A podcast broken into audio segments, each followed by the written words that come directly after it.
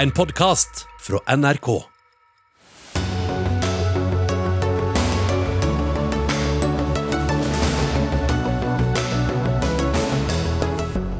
Støttemarkeringen etter helgens terrorangrep er eh, avlyst.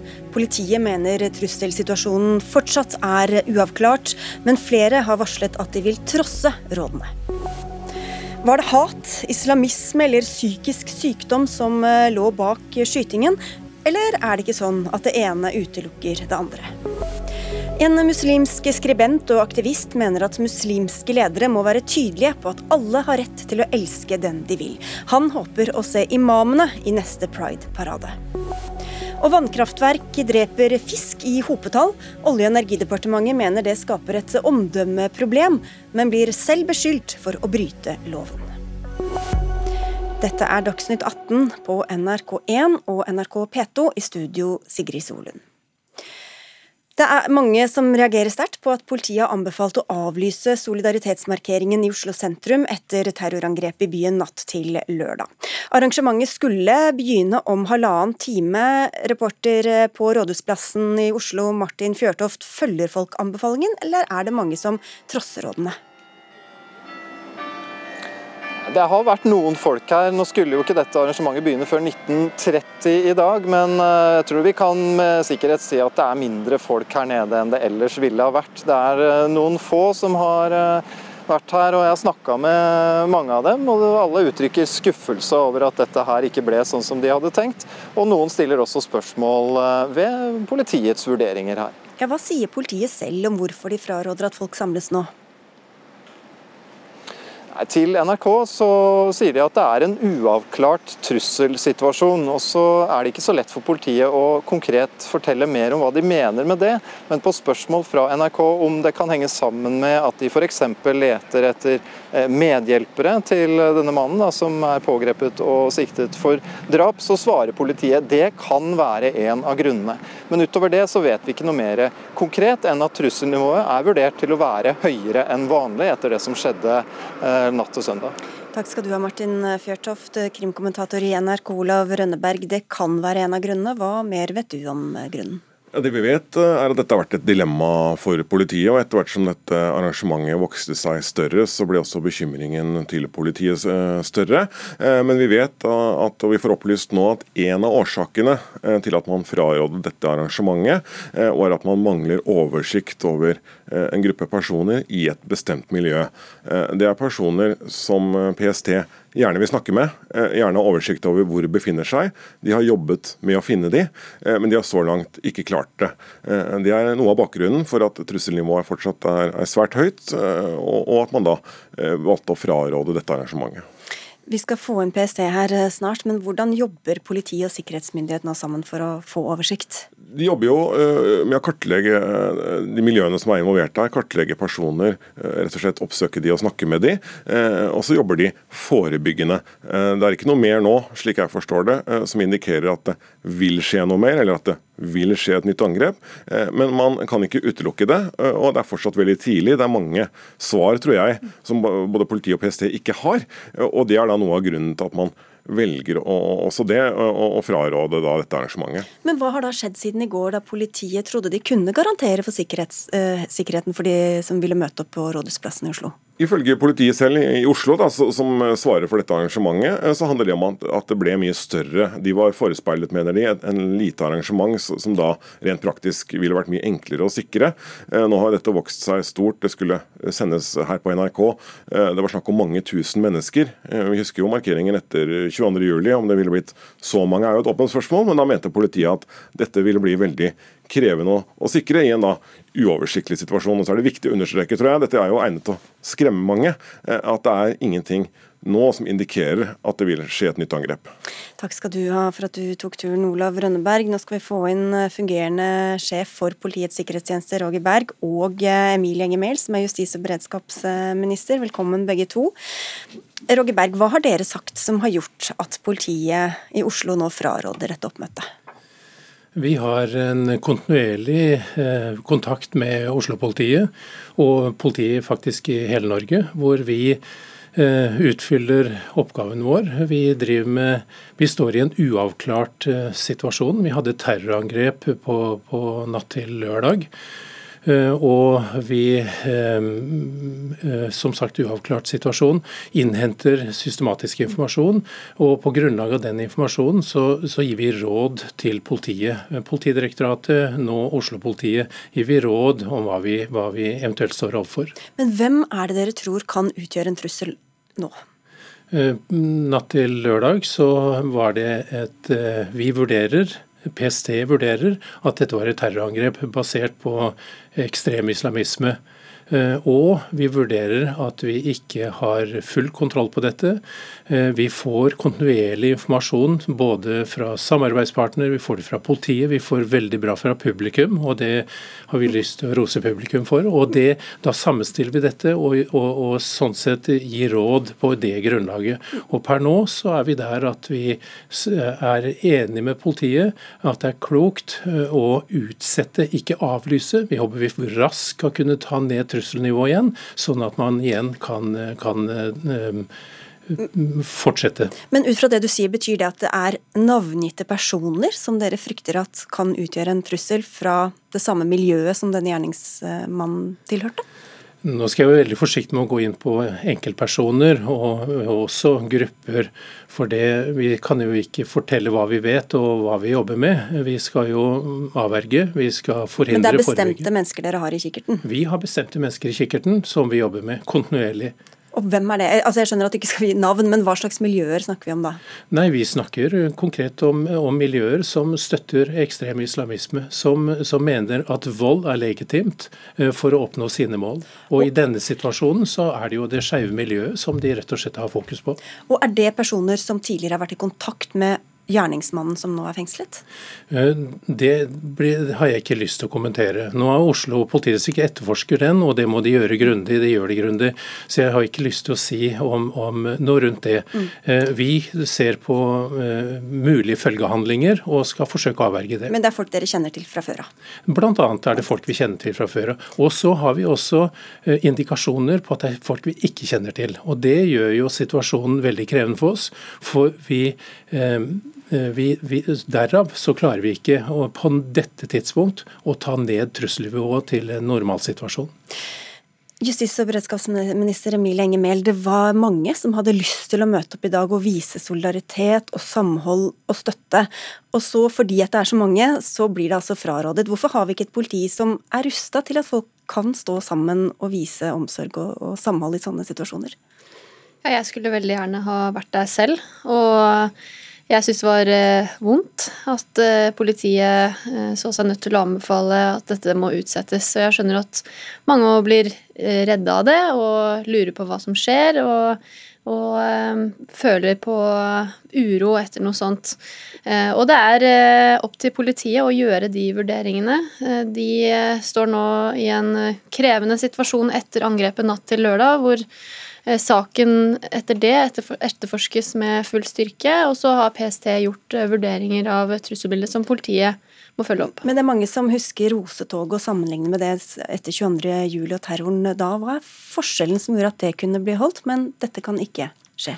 Jeg forstår at det er et bilde man tenker på nå. Jeg har ikke innsikt i de vurderingene PST og politiet gjorde den gangen.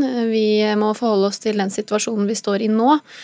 Og det er eh, forferdelig vondt at vi har en situasjon som gjør at personer ikke kan rådes til å møte opp for å feire hvem de er. og Det er jo nettopp det egentlig pride handler om. Det er at man skal kunne være fri. Eh, så når det kommer en sånn utsettelse, så går, jo det rett i kjernen av hva, man egentlig kjemper for. Jeg skjønner at det er eh, veldig, veldig vanskelig. Men hvorfor har vi ikke ressurser til at det kan gjennomføres, da, hvis det er skaleringen som ble problemet? Det er eh, sånn at politiet må gjøre konkrete vurderinger i lys av den trusselsituasjonen eh, vi har fått. Det var jo viktig på lørdag, eh, når Norge våkna opp til beskjeden om at det hadde vært drap og veldig, veldig mange skadde midt i Oslo sentrum på en fredelig kveld, at man så på sikkerheten. Det som ble gjort da, var at PST vurderte trusselsituasjonen, og så har politidistriktene i hele Norge, inkludert Oslo, eh, fulgt opp det med å gjøre konkrete sikkerhetsvurderinger, bl.a. opp mot arrangementer. Så har jo min forståelse etter eh, det politiet sier, det er at opprin dette opprinnelig ikke var et veldig omfattende arrangement, men at det har utvikla seg til å være noe mye, mye større, som de fraråder. Dere har altså hevet trusselnivået fra moderat til ekstraordinært. Hva ligger i det egentlig? Eh, her har vi gjort endringer i hvordan Norge innretter seg for å møte terror. Og Det er faktisk første gang vi gjør dette. Vi har eh, fire-fem trusselnivåer, hvor de fire første beskriver trusselen. Og det femte er et nivå hvor vi ser at trusselen er uavklart. Da vet vi ikke hva vi står overfor. Eh, og vi har bl.a. fra britene, eh, som har hatt terror i mange år, lært at dette er en måte å håndtere det på som er klok. Nettopp at vi, vi sier situasjonen er uavklart, vi avventer til vi har en, en oversikt.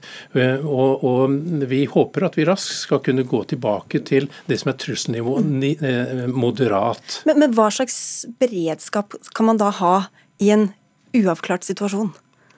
Eh, nå er eh, et stort arbeid på gang. Eh, norsk politi, PST, alle såkalte sensorer, som vi sier. Vi er ute og fanger informasjon fra, på alle kanter, og politiet har en høy beredskap. Så, så det er jo nettopp det vi, I en sånn situasjon så er det eh, viktig og riktig at man har et stort ressurspådrag. Dette var altså en gjerningsmann som dere kjente til, men som fikk gå fritt. Vi har kanskje vurdert feil, sa du etter skytinga. Hva visste dere om denne mannen på forhånd? Vi kjente jo denne personen som begikk eh, dette angrepet fra tidligere. Eh, vi har vurdert han, eh, vi har fulgt med, og vi har sett nøye på hans ekstremisme. Støttet ISIL, skapt bekymring. Vi var usikre på hvor langt han var villig til å gå. Men vi hadde ikke noe grunnlag for å pågripe han. Det var ikke vanskelig for oss. Tankene hans Det er lov å være ekstrem i Norge. Det er lov å tenke hva man vil. Men de som går fra ord til handling, det er der vi har hatt en usikkerhet og gjort vurderinger hvor vi sånn sett landet på at han ikke kom, eh, var blant de vi var mest bekymra for. Og nå er det altså kanskje andre som dere har vært enda mer bekymra for, da, som fortsatt går der ute som man ikke har kontroll på, Emil Engemel. Hva, hva, hva skal vi tenke, hva skal vi gjøre? Selvfølgelig de som er aller reddest, det er jo de som er i de skeive miljøer. Men alle, som du sier, kjenner vel på en frykt nå. Hva, hva skal man gjøre og tenke? Jeg tror vi skal ha med oss at eh, bakgrunnen for at politiet og PST gjør eh, de vurderingene de har gjort nå, at politiet nå har eh, inntil videre bevæpna seg. Eh, det er jo nettopp fordi vi har beredskapsplaner, vi har eh, systemer for at eh, politiet kan vurdere trusler og sette inn tiltak mot de for å skape trygghet. Og det, selv om det er fryktelig vondt at markeringen i dag er anbefalt utsatt, så er jo også det et sikkerhetstiltak for å beskytte homofile. Men bør alle holde seg hjemme, eller? Politiet har sagt at eh, folk skal opptre som normalt, men være årvåkne. Og så er det eh, forskjell på det og det å ha en, eh, et arrangement med flere hundre tusen mennesker. Jeg forholder meg til de vurderingene politiet og PST gjør. Og jeg oppfordrer folk til å følge de anbefalingene, selv om det sitter langt inne. Og kanskje markere på andre måter, f.eks. være sammen med noen venner hjemme, eller markere på sosiale medier eller andre ting. Vi skal snakke mer om denne saken, men eh, sier tusen takk til dere i denne omgang, Emilie Engemehl og Roger Berg, PST-sjef. Takk.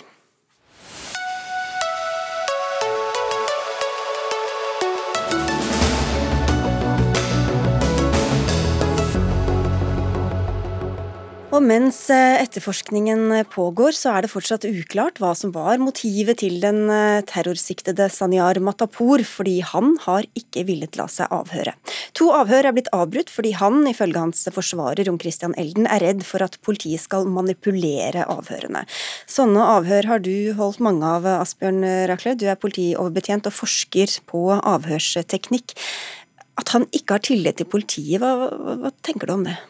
Nei, um, det som er helt sikkert, det er at hans forsvarer vet utmerket godt at uh, norsk politi verken vil eller kan fysisk sett manipulere opptakene.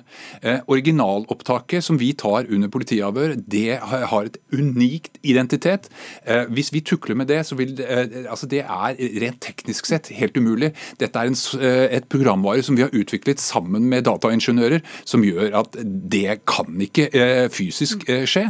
Og så vet også forsvareren veldig godt at vi vil heller ikke finne på å, å bevege oss inn på det. Så det er helt, helt ubegrunnet. Elden som du refererer til, vi har invitert ham, han kunne ikke være med oss i dag, men vi håper å få med mm, i eh, morgen eller en annen dag. Men disse kravene om hvordan et avhør skal, skal gjennomføres, eh, hva slags muligheter har en, en siktet for å komme med sånne krav? Altså Det som eh, er helt grunnleggende, og som vi må jo ta utgangspunkt i, det er jo menneskerettighetene eh, som vi er enige om, og som også eh, selvsagt kommer han til gode. Nemlig at han har en grunnleggende menneskerett til ikke å forklare seg hvis han ikke ønsker det. Det er ikke sikkert at det er i hans interesse. Eh, vi har jo eh, i en norsk straffeprosess noe som heter en tilståelsesrabatt. altså Hvis man samarbeider med politiet, at man er skyldig og velger å samarbeide, så skal domstolene ta hensyn til det under en eventuell straffeutmåling. Men Poenget er at han har grunnleggende eh, menneskerettigheter, og de blir respektert. Eh, nå er det slik at Norge eh, faktisk som det eneste landet, meg bekjent, i verden har instruksfestet at alle avhør, uansett om det er vitner eller fornærmede eller mistenkte, skal tas opp med minimum lydopptak. Og, og dette får vi ros for i New York, i Genéve, i Wien, i alle FN og Europarådet osv. Her ligger norsk politi langt framme. Vi har bygd opp et sett med prinsipper, verdier og metodikk og de skal vi holde på. Og ikke minst når presset er som størst, så er det jo nettopp i slike situasjoner at vi ønsker å vise at vi holder på de verdiene. Og hvis, altså Han har jo da enten så vidt jeg har forstått, krevd at det skal sendes direkte, eller at politiet skal rett og slett notere ned det, det han sier. Er noe av dette aktuelt? Eh, å sende et avhør og være hans talerør, det er fullstendig uaktuelt. Det er helt sikkert. Eh, nå er det ikke slik at det er lovfestet at vi må bruke lydopptak. Så det vil ikke være ulovlig av norsk politi å gjennomføre et politiavhør uten lydopptak. Men vi har instrukser om, for å sikre sikre rettssikkerheten til borgerne og eh, sikre bevisene i sin original, så eh, har vi instrukser om å gjennomføre lyd- og videoavhør. Og det skal vi alle være glad for at vi har eh, kommet så langt. Vi skal ikke lenger enn til Danmark, hvor f.eks. politiet nekter å bruke lydopptak. Nå står det en hel gjeng utenfor her som skal snakke litt om mulige motiver her, men eh, kort til slutt, hvor viktig er det å få gjennomført eh, avhør for å faktisk kartlegge både motiver og andre mulige farer som ja, lurer der ute? Ja, det er klart. Akkurat dette med motivet, da må vi jo på en måte Den som, den som kjenner det eh, best, det er jo eh, gjerningsmannen selv. Eh, jeg liker å kalle vedkommende for siktet, mistenkt, siktet. Eh, det er domstolene som dømmer, men, men, det er ingen tvil om at eh, det er eh, vanskelig og mer krevende å innhente motiv hvis vi ikke får en forklaring. Takk skal du ha, Asbjørn Raklev, politioverbetjent og forsker på avhørsteknikk, du kom.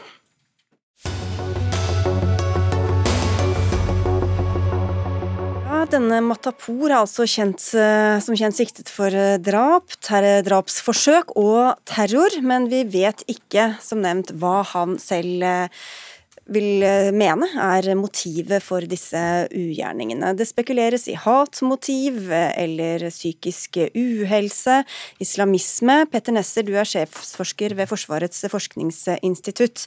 Psykisk uhelse eller terror, men er dette egentlig gjensidig utelukkende? Nei, det er det jo ikke.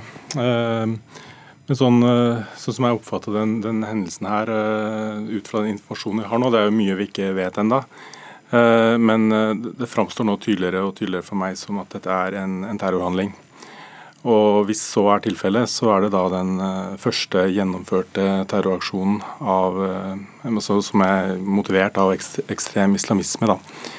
Og Det er jo flere grunner til at jeg tenker sånn, men, men det, viktige, det, viktigste er kanskje hvor tydelig og hvor raskt sikkerhetstjenesten gikk ut med informasjonen, og hvor tydelig det var rundt den informasjonen. Eh, og det er også måten angrepet ble gjennomført på. Eh, det her ligner jo veldig på eh, IS-terror som vi har sett i flere europeiske land. Både med tanke på hvordan, hvordan aksjonen er, er gjennomført, og også da det man vet om, om, om gjerningspersonen så langt. da. Samtidig så det, må man selvfølgelig ta forbehold om, om, om hva som er hans psykiske tilstand. Men hva er egentlig forskjellene på terror og hatkriminalitet? Terror, det er eh, ja, liksom Kjernen i terrordefinisjonen er at det skal være rasjonelt, det skal være politisk, det skal være egnet til å spre frykt utover det målet som blir, som blir eh, angrepet, og det skal være en viss grad av planlegging. Og De tingene er jo til stede her. Mens hatkriminalitet, eh, da snakker man gjerne om noe som er altså mer spontant, og som bunner i at man bare rett og slett hater noen. Eh, mens terror, da har man gjerne et, et eh, politisk mål, en, en, en, politisk målsetting som man da ønsker å realisere gjennom å ut, altså bruke ekstrem vold. Randi Rosenkvist, du er spesialist på psykiatri og kjent rettspsykiater. Vi skal selvfølgelig ikke, kan ikke si noe om hans psykiske tilstand, men mer generelt kan veien til hatkriminalitet og kanskje også terror være kortere for en som har alvorlige psykiske lidelser? Ja, du kan si at en som har en alvorlig psykisk lidelse, kan handle ganske spontant og kaotisk i enkelte situasjoner. Men det er jo ikke vanlig at folk med en schizofrenidiagnose f.eks. begår hatkriminalitet eller terror. Det, det folk, den type kriminalitet som noen med schizofrenidiagnose gjør, er jo gjerne vold i forhold til nærmeste familie, eller muligens naboen, men ikke ute i det offentlige rom. Mm.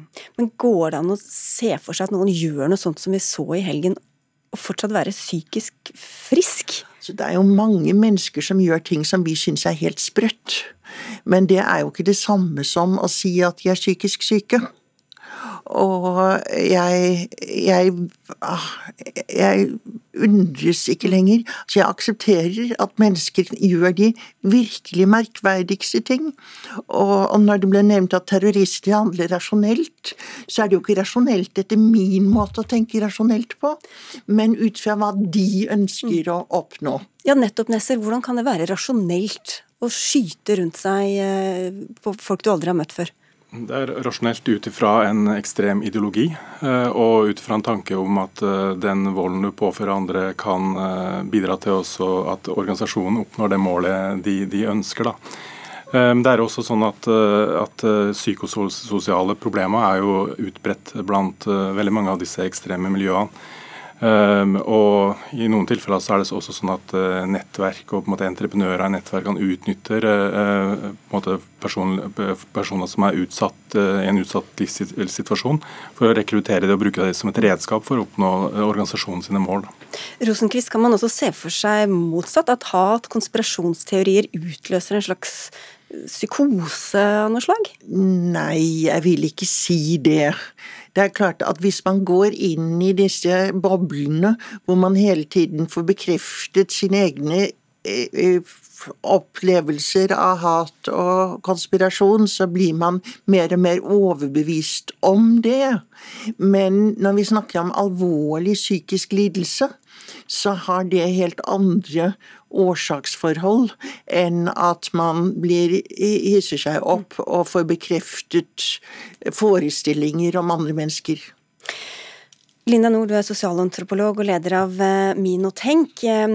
Det blir jo pekt på radikal islamisme her, som selvfølgelig er noe annet enn eh, islam. Men du peker, eller skriver om dette i en kronikk i Dagsavisen også, om hvordan eh, denne markeringen av pride, som jo har vært ganske omfattende, oppleves av norske muslimer. Hvordan gjør den det? Ja, Det som har vært litt spesielt i år, eh, og uten at vi kan forskuttere på noe som helst vis at det er, eh, har en sammenheng her, er jo det at det har vært en mer markant offentlig motstand mot pride. Det har vært eh, tydelige stemmer i den offentlige debatten som har vært veldig kritiske til pride. Og det som kanskje har gjort det spesielt bekymringsfullt fra vårt ståsted, er dette her at man, man drar inn barn.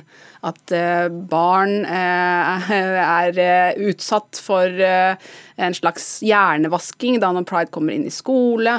Altså det, det, det, er en litt sånn farlig tankegang, fordi at dette her berører jo også eh, tankegangen som eksisterer hos både ytre og høyre, som også har ofte en, et veldig sånn klart fiendebilde av det de f.eks. kaller homolobbyen, eller også, eh, altså, det som går på kjønns- og seksualitetsmangfold, eh, og ikke minst også blant eh, ekstreme islamister, som også har en veldig sånn klar, klart fiendebilde av at liberale og progressive holdninger til kjønn og seksualitet, det må vi kjempe mot. Og da gjerne også med vold.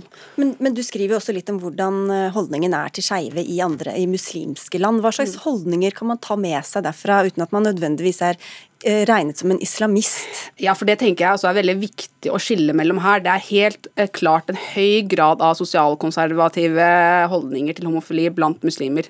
Høy grad av religiøsitet generelt i verden vet vi henger eh, tett sammen med lav aksept for homofili. Og vi vet også at uh, dette her faktisk endrer seg ganske raskt fra en generasjon til en annen. Så i Norge f.eks. så har uh, ungdom som vokser opp i Norge med bakgrunn fra disse muslimske landene, som i disse muslimske landene er aksept for homofili nesten ikke, ikke eksisterende. Men i Norge så endrer det seg veldig raskt. Og der er det f.eks. majoriteten mener at homofili er greit i alle tilfeller. Så dette her er jo verdikamper som også i Norge har pågått eh, over noen tiår og gått eh, egentlig bemerkelsesmessig eh, forholdsmessig raskt.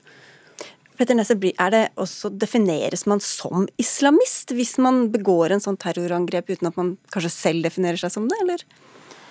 Så I det tilfellet her så, så, er jo på en måte ikke det et uh, spørsmål, i og med at uh, sikkerhetstjenestene på tidlig tidspunkt uh, går ut og informerer om at personen har hatt i årevis tett, eller kontakta inn mot det norske ekstreme islamistmiljøet. Mm. Så, så, altså, terrorister kan jo ha for forskjellige ideologiske avskygninger. Eh, terror defineres ut fra, fra handlingene eh, du gjør. da. Mm.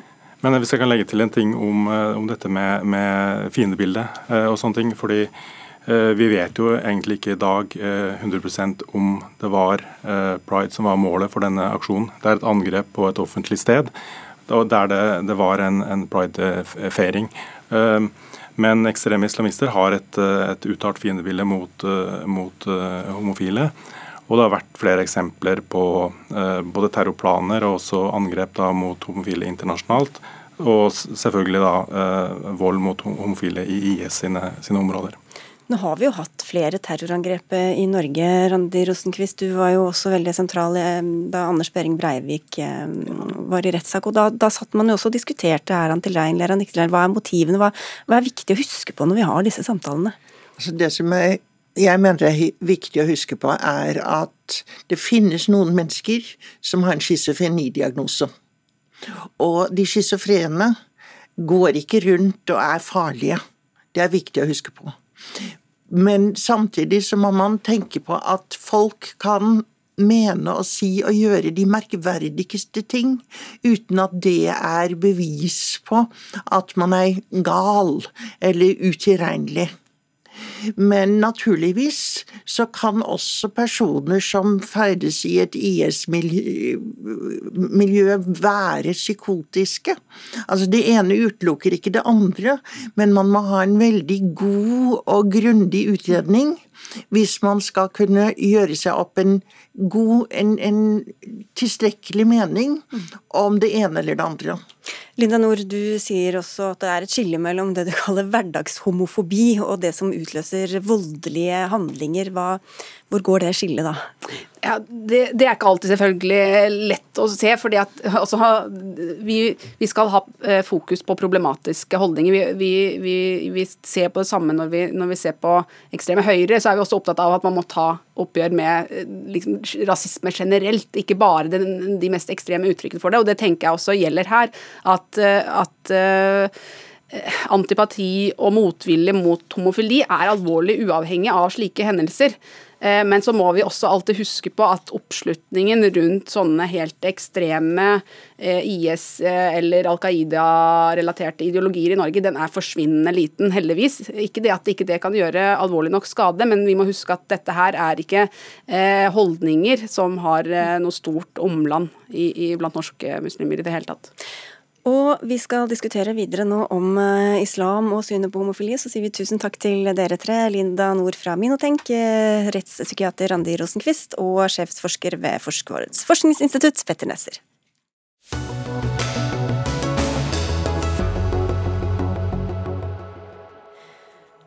For ledere i de muslimske paraplyorganisasjonene har vært ute og fordømt angrepet i Oslo sentrum. Men det er ikke nok, skriver du, skribent, aktivist Josef Bartou Al-Nahi i VG. Hva er det du etterlyser at muslimske ledere skal si? Nei, Jeg har jo ment at eh, måten vi har eh, stått opp for andre minoritetsgrupper i lang tid, har vært litt mangelfull. Eh, og jeg mener jo for all del, vi har kommet langt, mye lenger enn før. Altså På et tidspunkt så var det spørsmål om uh, man skulle si ja uh, eller fordømme at i enkelte land så er det dødsstraff for homofili. Det har vi kommet langt forbi. Det er jo alle enige om nå. Mm. Og I dag så gikk jo også Islamsk råd ut og sa at de fordømmer all form for hat mot homofile og skeive. Det er også en veldig fin fremgang, mener jeg. Mm. Så det er jo også viktig å peke på at det går jo fremover. Uh, og kanskje fortere fremover for den muslimske minoriteten som er ganske uh, fersk i Norge, enn det er gjort f.eks. blant kristne. Da. Uh, og Det er i år 50 år siden homofili ble avkriminalisert i Norge, så vi har jo på en måte en historie, vi også. Men jeg mener at det er langt mer som kan gjøres. Da, da tenker jeg bl.a. på å si uten forbehold at man støtter menneskers selv, selvfølgelige menneskerett til å elske akkurat den man vil. Om det er to menn, om det er to kvinner, om det er tre menn og to kvinner. Altså alle mulige former for samliv. Eh, og det kan man fint gjøre samtidig som man selv sier at 'jeg er imot homofili'. Mm. For det er jo en ting som kun gjelder for deg. Eh, så jeg mener at det å si at alle andre må ha en selvstendig rett uten å bli eh, tilført skam, uten å motta trusler, uten å bli fryst ut av verken familie eller moské eller miljø. Og nå sier jeg ikke at man blir fryst ut av en moské, men at liksom, ved å være tydelig, så er det i hvert fall mm. enda mindre sjanse for at man blir det. Basim Gosland, du er leder for eh, Det islamske forbundet, som driver eh, Rabita-moskeen i Oslo. Hvorfor er dere ikke enda tydeligere på dette? Jeg er ikke leder, jeg er bare styremedlem. Styremedlem, eh, Beklager. Jeg er også styremedlem i Muslimsk dialognettverk. Mm. Eh, jeg er veldig ofte enig med deg, Josef Assadir, men denne gangen må jeg være en smule uenig med deg. Fordi vi har faktisk sagt akkurat det du etterlyser i alle årene. Vi har sagt at også denne gangen når den tragiske hendelsen skjedde natten til lørdag, så har vi vært veldig tidlig ute om morgenen med en liten uttalelse, men faktisk omfattende, som sier at vi støtter alles rett til å være trygge, til å leve slik de selv definerer seg, slik de selv og leve med sin egen overbevisning, og at alle skal liksom være trygge, og ingen får lov til å være eller skal være trakassert og, eh, eller undertrykt. Men hva sier dere i moskeen da, om f.eks. homofili? Det spørs om noen spør, da. Moskeen er satt for andre ting, egentlig. For sånne religiøse spørsmål. Og Da blir det diskusjoner og fram og tilbake, og sånn, men i den offentlige debatten som vi egentlig snakker om, så har vi vært både Rabita-moskeen, de moskeene jeg kjenner, MDN, Muslimnettverk, som jeg kjenner, har vi vært veldig klare på at alle, vi støtter alles rett til å velge for seg, til å definere seg selv, til å leve fritt slik de ønsker innen lovens rammer. Da har vi vært klare på det. Så, ja. nei. ja, nei, jeg har stor respekt for deg, Basim, og er veldig glad for at budskapet denne gangen har vært mye tydeligere enn før. Eh, jeg er uenig med deg at vi har vært flinke til det i alle år. Eh, men jeg syns at vi skal berømme det at man går fremover. Det tenker jeg er viktig. Eh, og så vil jeg jo også si at Uttalelsen fra f.eks. Islamsk Råd Norge kom jo ikke før i dag, dagen etter at man etterlyste den. Eh, så her kunne man jo absolutt vært på ballen tidligere. Eh, og så mener jeg det at eh, Det holder ikke å bare si at man på en måte tar avstand fra vold mot mennesker pga. deres legning. Man må også klare å si rett ut at vi støtter deres rett til å elske hvem dere vil. Um, Gosland, du sa at en ting er hva dere sier offentlig, en annen ting er hva dere sier i moskeen. Men hvorfor ikke Nei, det er ikke noe annet. Men akkurat nå sitter vi og diskuterer mm. en sak som har skjedd, skjedd i, i samfunnet. I moskeen så sitter man kanskje og snakker om bønn og faste og andre saker. Mm. På jobben min snakker vi om noe annet. Og på skolen snakker vi Det er litt sånn forskjellige arenaer. Men med hvilke holdninger altså, fordi Nå er det jo sånn at gjerningsmannen eh, han har jo også vært innom eh, deres uh, moské, uten at han ga uttrykk for sånne holdninger, har jeg forstått. Men, men hvis, er, er, det greit å være åpen homofil i deres moské, f.eks.? Altså, moskeen er åpen for alle. Mm. Vi har alle slags mennesker. Hva slags reaksjoner får man da? Man, man, får ikke lov å få reaksjoner. Hvis man får reaksjoner på noe fordi man er et eller annet, så er ledelsen veldig klar på at de må bare ta kontakt med ledelsen med en gang. Ingen får lov å trakassere eller gjøre noe stygt, eller se stygt engang, på noen som helst pga. hudfarge, annerledeshet, uansett hva det er. Også homofile er hjertelig velkommen til å komme og be og gå. Men i moskeen så er det ikke lov å gjøre hva som helst annet. liksom. Moskeen er satt for konkret formål. Men det gjelder da for søren meg for kvinner og menn også. Ja, ja, også Hvis du tenker på hva annet var det de skulle gjort, egentlig, disse homofile i moskeen? Nei, men eh, Da har vi f.eks. en utfordring, da. Vi har en plass for en, en eh, dametoalett og en, eh, min, en toalett for menn. Og Hvis det kommer en mann som mener at jeg er en dame, så jeg må gå til dametoalett, f.eks. Hva gjør vi da? Det er en sånn diskusjon. Denne diskusjonen mener jeg skal ikke tas her og nå. Den diskusjonen tas i alle forskjellige trossamfunn og sånn, og i alle, alle steder, også i treningssentre. Sats og de andre, Den diskusjonen blir tatt, men, men ikke her. Men Er du enig i at det er um, mer skepsis, eller kanskje hat, også mot i enkelte, nei, mot homofile i enkelte muslimske miljøer enn det er i majoritetssamfunnet? Ja, jeg, jeg, kan eller jeg, jeg, kan forstå at det er det. Mm. Hva, Også, hva, gjør dere med det?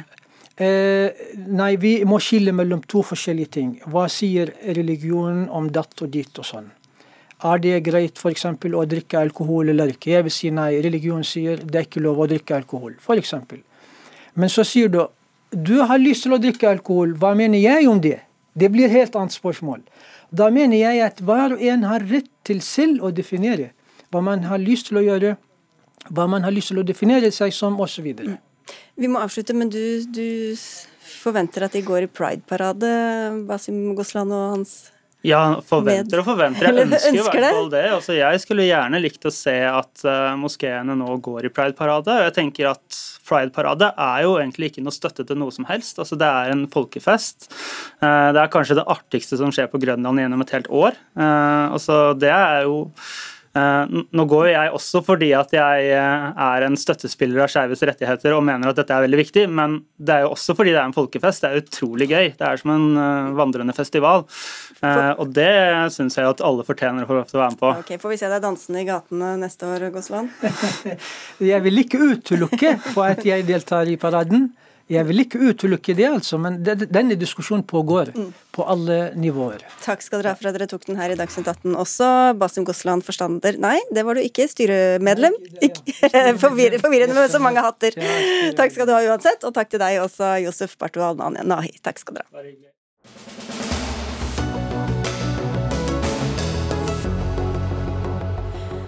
Delstatene i USA er i gang med å følge opp avgjørelsen fra amerikanske høyesterett på fredag, da de fjernet retten til selvbestemt abort. Noen stater beholder muligheten til å ta abort, men ikke så langt ut i svangerskapet som man har kunnet. Andre har innført totalt forbud, og i California er det ventet at retten til abort blir grunnlovsfestet i delstatens egen grunnlov. USA-korrespondent Tove Bjørgaas, eh, det er protester i hele USA i eh, kjølvannet av eh, denne kjennelsen. Hvem er det som tar til gatene nå? Det er unge kvinner. Jeg har selv vært opp utenfor Høyesterett i helgen, og der står det veldig veldig mange kvinner, tenåringer, kvinner mellom egentlig 15 og 35 stort sett, som er veldig, veldig sinte og føler at, en, at de har mistet friheten sin, rett og slett. De har mistet troen på landet sitt. og Slike prosesser har vi også sett i veldig mange eh, andre delstater. også noen av disse 13 hvor det allerede er blitt eh, forbudt å ta abort. Eh, og i sørstatene bl.a. i Missouri, i Arkansas, som har noen av de aller strengeste lovene nå. Hva skjer da i disse statene som allerede har forbudt selvbestemt abort? Nei, Det er litt ulike lover. Det var mange som hadde sånne de kaller det for trigger-lover, eller avtrekkerlover, da, som trådte i kraft i det øyeblikk dommen kom. Og F.eks. i delstaten Arkansas, der Bill Clinton eh, kommer fra, der er det nå forbudt å ta abort også dersom en tenåring, et barn, blir utsatt for incest, incest eller voldtekt. Det er bare dersom morens liv er i fare at man kan ta abort. Andre steder er det litt mindre strengt, og så er det en rekke delstater som nå har lover som de er i ferd med å vedta. Eh, og, Der er det også kampanjer for å motvirke dette. Og så er det en god del delstater i det området jeg befinner meg i nå, rundt Washington og i California, som du nevnte, der man vil vedta lover for å, altså for å grunnlovfeste i, eller forsvare retten til at man skal få beholde abortrettighetene uansett. For mange er også redde for at eh, det republikanske eh, flertallet, dersom det skulle bli det etter valget til høsten i Kongressen, at de vil forsøke å, å vedta en føderal lov om abortforbud. Du var i en gudstjeneste i går eh, med en rekke abortmotstandere. Hva sa de da? Nei, De var jo veldig glade for det som hadde skjedd. Dette var en baptistkirke rett utenfor her. Det er viktig å peke på at det er en god del kirkesamfunn som også er positive til abort her. Eh, blant annet mange i den katolske kirken er faktisk det. Men i denne baptistkirken der jeg var, så var de veldig takknemlige for dette. Og det de sa, det var jo at de ønsker å hjelpe gravide kvinner som trenger hjelp. De ønsker å bidra med adopsjonstjenester, fosterhjem og rådgivning til eh, gravide. For som de sier, livet begynner ved unnfangelsen. Eh, og, det er viktig nå å, sørge for at gravide kvinner får den hjelpen de trenger. Takk skal du ha, Tove Bjørgaas. Sofie Høgestøl, førsteamanuensis i rettsvitenskap ved Universitetet i Oslo. Nå blir altså spørsmålet om abort opp til politikerne. Hvor skjør har denne lovgivningen vært når den kunne settes til side så enkelt? Den har jo vært omstridt. Altså, dette er jo da resultat av en uh, høyesterettsdom fra 1970-tallet hvor amerikansk høyesterett da sier at det står ikke noe om abort i den amerikanske grunnloven, men vi tolker inn en abortrettighet i retten til privatliv. Og det står heller ikke ordrett retten til privatliv i den amerikanske grunnloven. Um, så de bygger på en praksis de hadde før om at det er en rett til privatliv, og at de sier i den dommen at for kvinner så betyr den retten til privatliv at man også har rett til selvbestemt abort. Men så går det kanskje mest kontroversielt ganske langt i å prøve å fastsette hva det betyr i praksis, da, og hvor langt ut i svangerskapet man har en abortrettighet. Og Washington Post har i dag en veldig spennende artikkel hvor de viser det historiske bakteppet her, at dommerne de, de kranglet en del om dette her, og at i en annen verden så hadde de kanskje landet på at de kun skulle si at her har man abortrettigheter, men vi gir delstatene en del makt i å fastsette akkurat hva det betyr i praksis, for vi kan ikke begynne å trekke opp eh, altså skillene mellom liv og død.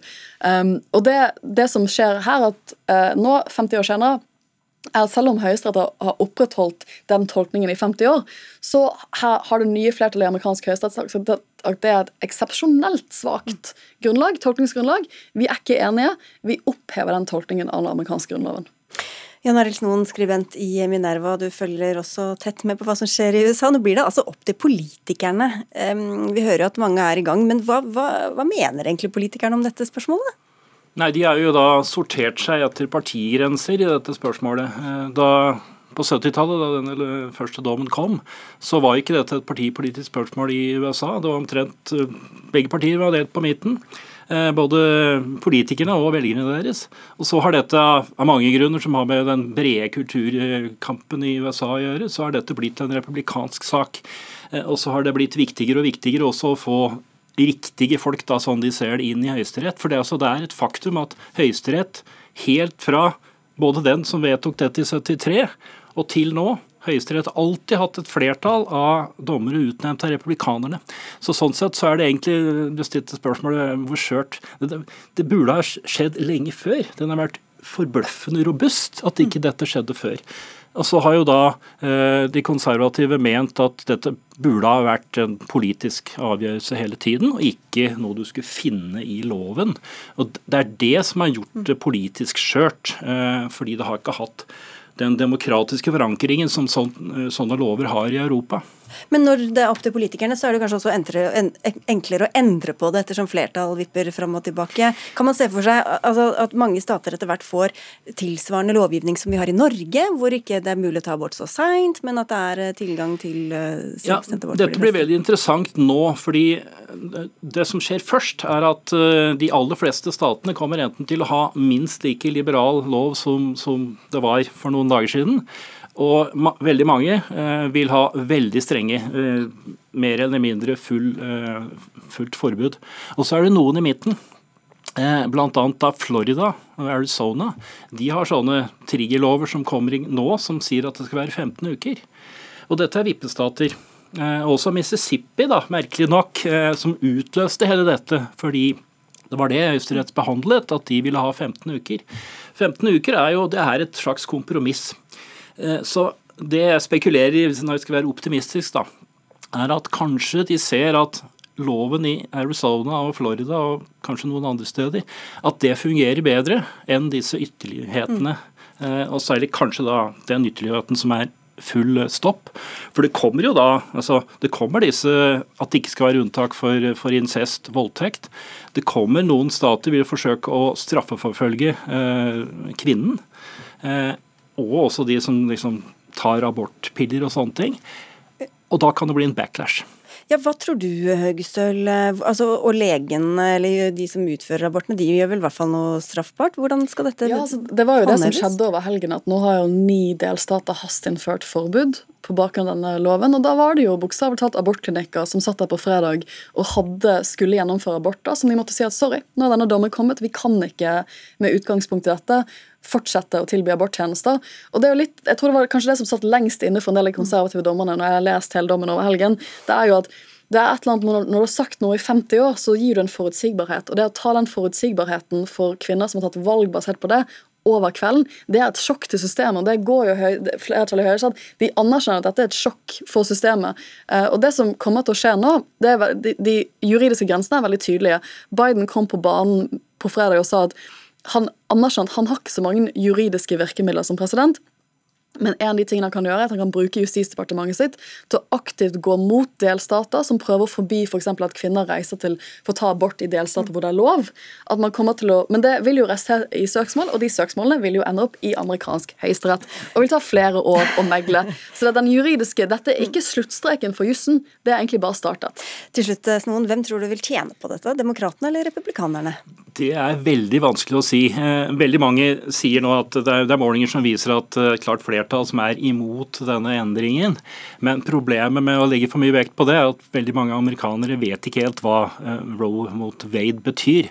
Hvis du stiller mer nyanserte spørsmål, så er det store flertallet, eller i hvert fall et flertall, er et sted i midten. Altså, De vil ikke ha 24 uker eller 36 uker for den saks skyld, men de vil heller ikke ha 6 uker eller ingenting. De er et sted i midten der. Eh, så, så derfor så, Det er disse velgerne du skal ta, da. Fordi, Look to Norway, må de si da. Ja, de ute på kanten de, de, er, de, er, de er engasjerte, de vet hva de skal stemme. Men du, du, kan både tape og vinne velgere i midten hvis du er, hvis du er for tøff her. Takk skal dere ha begge to, Sofie Høgestøl og Jan Arild Snoen.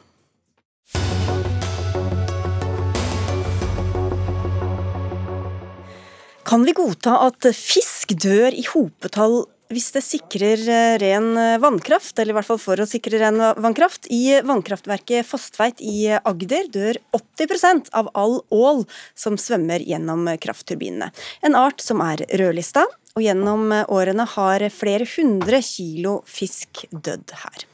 Ole Kristian Faukalt, du er professor i offentlig rett ved Universitetet i Oslo, og du har sagt at staten bryter loven her. Hvordan da?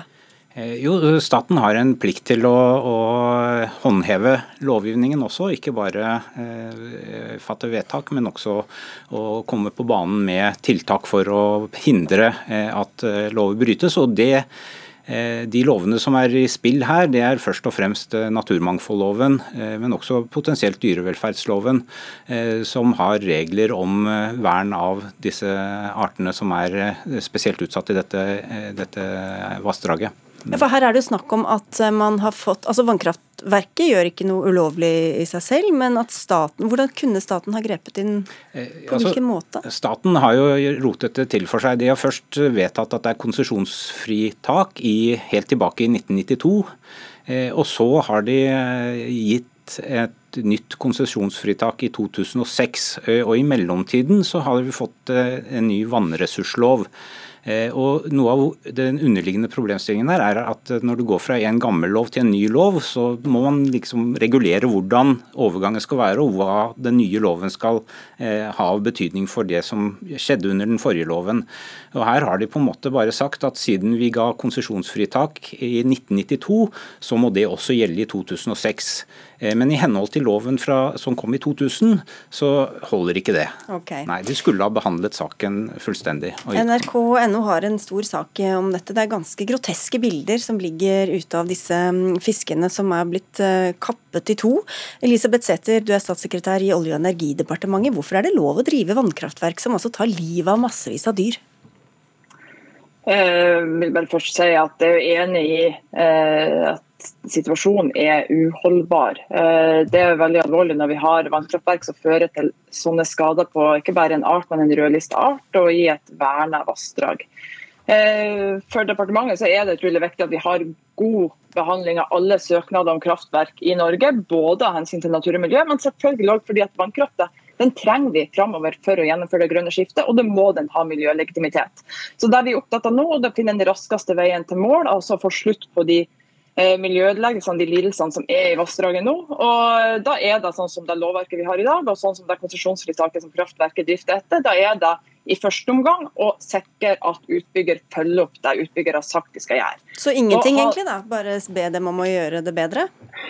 Vi har flere verktøy i verktøykassa vi kan gjøre dersom utbygger ikke følger opp. og lett meg være veldig tydelig på at de kommer vi til å bruke dersom det er nødvendig.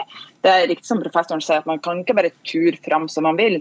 Selv om man i 92 beslutter å gi et konsesjonsfritak, så satte man jo flere forutsetninger i det vedtaket, bl.a. om minstevannsføring, om fisketrapp, hvilket mer bekjent er nå ødelagt og må rettes opp i om ivaretakelse av kulturminner i området. og de her Forutsetningene ble jo også oppdatert da NVE behandla prosjektet rundt 2019. Okay. Eh, det betyr at vi har veldig god kunnskap om hva som faktisk må gjøres. Det er å snakke om denne inntakslista som NRK har satt mye fokus på, og sikre at den faktisk får åpninger som gjør at åren og fisken ikke får inn i turbin.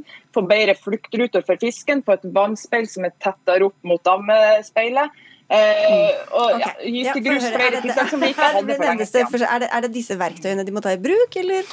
Ja, altså Redd fysisk så er det jo de tiltakene man må ta i bruk, og dette har man visst veldig lenge. Eh, så nå er det en ny regjering, eh, men dette, så dette er en sak som har overlevd mange regjeringer, og hvor det, dette kom i drift i 2008. Og, og man visste på det tidspunktet at det var et problem. Så her har man fra departementet og NVE sin side trenert saken voldsomt. Og så kom NVE riktig, det kom med et vedtak om ny konsesjon. Eh, og i det nye vedtaket så ble det påklaget av en miljøorganisasjon. Og så sier departementet etterpå at den konsesjonen den gjelder ikke lenger. Og det er helt pussig, for da er, er på en måte tilbake til, til startpunktet, rett og slett. Nå har vi jo den forrige regjeringa her, da, eller i hvert fall en uh, bit av den. Ola mm. Elvestuen, du sitter nå på Stortinget for uh, Venstre. Hvorfor lot dere det holde på sånn? Du, jeg må si jeg har ikke kjent til Fosstveit i denne situasjonen før jeg også ble kjent med den gjennom NRK, de reportasjene som er der. Og det er opplagt at her er det gjort en feil når du fikk eh, tillatelsen, og det må nå rettes opp. Jeg, håper at folk har rett, at dette, er, at dette har man juridisk også grunnlag for. Og det regjeringen nå må gjøre, er å, å stille krav Eh, og er det prosessrisiko ved det, at du kan få en risiko med at staten også må være med å betale, så må man ta den. Eh, fordi dette, denne situasjonen med den eh, kverningen av fisk, og at ål også drepes på den måten i det antall som gjøres, som er sterkt trua, det kan ikke fortsette. Vi har bedt om en kommentar fra Bekk og Strøm, som driver dette vannkraftverket. De viser til en tidligere uttalelse om at de er i full gang med å modernisere, modernisere dette svært gamle kraftverket. Elisabeth Setter, hvorfor skal det være opp til vannkraftene selv om de vil gjøre situasjonen bedre eller ikke? Jeg tror for eh, ålen og de andre artene i vassdraget så er det helt uh, irrelevant hvordan forbedringer skjer. Det viktigste er at de skjer. og som jeg sa, Her er vi opptatt av å bruke raskeste veien til mål. I første omgang så er det at NVE har fått i oppdrag å følge med på at utbygger gjør faktisk det utbygger sier den skal gjøre. Dersom det ikke skjer, så har vi i departementet andre verktøy i verktøykassa og kommer til å følge opp den saken hvis det blir nødvendig. Men her er hurtighet viktigere enn uh, hvordan man, uh, hva man skal si, Eh, hvordan prosess man tar. Og jeg, hva, slags oversikt har dere, unnskyld, men hva slags oversikt har dere egentlig? Nå snakker vi om ett vannkraftverk, men hva, hva vet dere om hvor mange ål og annen fisk som bare blir kverna i disse turbinene hvert år? Eh, vi har heldigvis en svært dyktig og kompetent eh, vannkraftforvaltning i Norge. og Man får inn mange søknader årlig om eh, både store og små Men Hva var det svar på? Det var jo svar på noe helt annet. Jo, jo, du, skal få, du skal få svar. Men altså, halvparten av de her søknadene blir jo avslått nettopp fordi de ikke når helt opp. Og, og Både søknader og hvordan de har blitt behandla og vilkårene de har blitt eventuelt innvilga søknad på. Så hvor mange fisk drepes hvert år i disse turbinene? Unnskyld. Hvor mange fisk drepes hvert år i disse turbinene? Og så kan ikke jeg svare ned på individnivå eh, hvordan, si, om det er hvor mange fisk som havner i turbinen. Men som sagt, det stilles strenge miljøkrav til behandling av vannkraftverk. Informasjon om denne behandlinga ligger også åpent tilgjengelig. Det er et viktig prinsipp vi har for vannkraftforvaltninga i Norge. Og så vil Jeg også si at altså, jeg har ikke kjennskap til noen lignende situasjoner enn det vi har sett ved Fosstveit kraftverk. og Det er en spesiell situasjon i og med at et gammelt kraftverk som ble nedlagt, og så søkte mange på drifta gjenopptatt. og okay. da, altså, ja. Som sagt, det er ikke en vanlig situasjon, heldigvis. Er, er dette et utbredt problem? Eh, det er nok et ganske utbredt problem i en god del av de gamle vannkraftverkene. og Det departementet og eh, NVE gjør, er jo å bruke veldig veldig lang tid på å gå gjennom de gamle konsesjonene og lage nye vilkår for de drift, den driften av vannkraft som finnes rundt omkring. Og Det er ganske dyrt til dels å, å installere dette, og det vil føre til driftsstans også. Så det er ikke smertefritt eh, på langt nær, og det er en grunn til at det har tatt så lang tid å komme videre med denne saken. fordi fordi at det er litt motvilje, tror jeg, hos, eh, hos eh, kraftverket, og ikke vilje hos myndighetene til å ta hardt i. Ja, nei, Det er ingen tvil om at det er, det er mange kraftverk hvor du trenger bedre eh, tekniske løsninger for fiskevandring, både opp og ikke minst ned. Dette var også en problemstilling da man jobbet fram den handlingsplanen som ligger på storørret, hvor det også er områder hvor det er, ja, det er gode forbindelser for å komme opp, men man hadde ikke det samme for å komme ned. Så dette er en, det er en generell problemstilling som det må gjøres eh, mye for å få bedringer på. Hvorfor gjorde dere ikke noe da, hvis det er en generell problemstilling, og det har jo kommet advarsler og protester eh, opp gjennom årene? Ja, men så, Har du ikke visst om det før nå? Nå, nå laget jo nettopp, som jeg sa, at jeg var med å ta initiativ til det som var en handlingsplan for storørret som ett virkemiddel, og så har vi også selvfølgelig at dere har gjort mange tiltak i forhold til eh, anadromfiske og, laks fra departementets side. Dette er ett av virkemidlene. Og så er det jo de vilkårsrevisjonene som må gjennomføres. Den vannforskriften som må, må følges opp og gjennomføres i åra framover. Så dette, dette, vil være ett tema som, eh, som må jobbes med også mange steder i åra framover. Det er jo en tendens til at disse sakene faller litt mellom to stoler. Det er to departementer eller direktorater som er inne her. Det er miljøsiden og så er det olje- og energisiden. Eh, og De snakker til dels ganske dårlig med hverandre. og Det er jo et problem når Olje- og energidepartementet bygger på en utredning av disse tingene fra 1992, når de fatter vedtak i 2006. Det er jo mye som har skjedd da i den mellomtiden. Og, og miljømyndighetene har jo drevet med kalking dyrking og eh, for å bli kvitt forsuring. sånn at det har kommet mye fisk og mye ål opp i dette vassdraget etter hvert. Så da man hadde dette eh, kraftverket tilbake på 70-tallet, så var ikke dette noe tema. Men det har blitt et tema i mange av disse vassdragene sør, mm. i Sør-Norge etter hvert. Ettersom man har lykkes fra miljøsiden, og så har man på en måte ikke tatt dette inn over seg fra energisiden. da. Vi er jo så stolt av den rene norske vannkraften, Elisabeth Sæther. Har det gjort oss litt blinde med tanke på dyrevelferden her, eller? Nei, jeg tror ikke det har gjort oss blinde, men det bør gjøre oss enda mer motivert. For det er helt riktig som påpekt at vi er helt avhengig av regulerbar vannkraft i framtida. Skal vi klare å ha mer havvind i kraftsystemet, mer solkraft i kraftsystemet, kraft som vi trenger for å kutte utslipp og skape flere grønne arbeidsplasser. Og det er riktig også, som Ola Elvestuen påpeker, at eh, det er en del gamle utbygginger som må ryddes opp i. og Jeg er derfor veldig glad for at denne regjeringa sluttførte to store vannkraftrevisjoner både i Telemark og i Nordland som gjorde at gamle kraftverk fikk langt strengere miljøkrav. Dette var jo saker som hadde ligget svært svært eh, lenge, og som viser at vi i hvert fall ikke har noen berøringsangst med de vanskelige sakene. Vi må klare å både stille strengere miljøkrav og ikke minst bevare den rene vannkrafta vår. Ellers så kommer vi ikke i mål med det oppdraget som vi har satt oss. Vi må takke dere av eh, alle tre. Ole Kristian Faukalt, professor ved offentlig rett, Elisabeth Sæther, som er statssekretær i Olje- og energidepartementet, og Ola Elvestuen, som sitter på Stortinget for Venstre. For Dagsnytt 18 er over for i dag. Vi er tilbake i morgen til samme tid og samme sted. Det var Odd Nytrøen som hadde for innholdet i sendinga. Lisbeth Sellereite tok seg av det tekniske, og mitt navn er Sigrid Solund, og ønsker dere en fin kveld videre.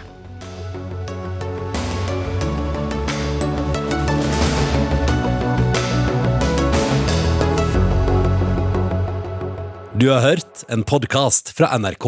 Hør flere podkaster og din favorittkanal i appen NRK Radio.